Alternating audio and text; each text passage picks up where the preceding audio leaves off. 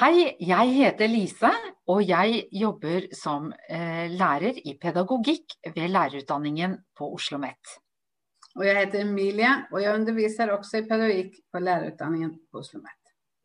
Du er jo elev nå, og du har sikkert hatt en lærer som du tenker var spesielt god.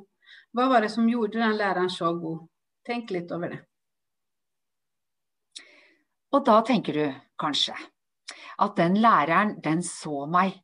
Den viste meg læreren viste meg respekt. Læreren var opptatt av at jeg skulle gjøre det bra.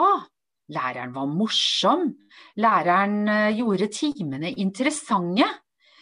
Ehm, læreren viste meg forståelse, og læreren tok meg på alvor.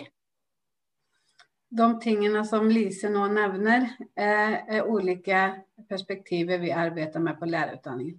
Det at læreren f.eks. ser deg, handler om at læreren har blitt god på relasjonsbygging. Eh, det at læreren kan gjøre faget interessant, handler om at de har både fagkunnskap og pedagogikk. Og de har lært seg didaktikk, altså hvordan de skal lære ut det faget på en best mulig måte. Videre har de kunnskap om hvordan de skal motivere deg som elev, og de har kunnskap om hvordan de skal tilpasse undervisningen til deg. Alt dette handler om faget da pedagogikk.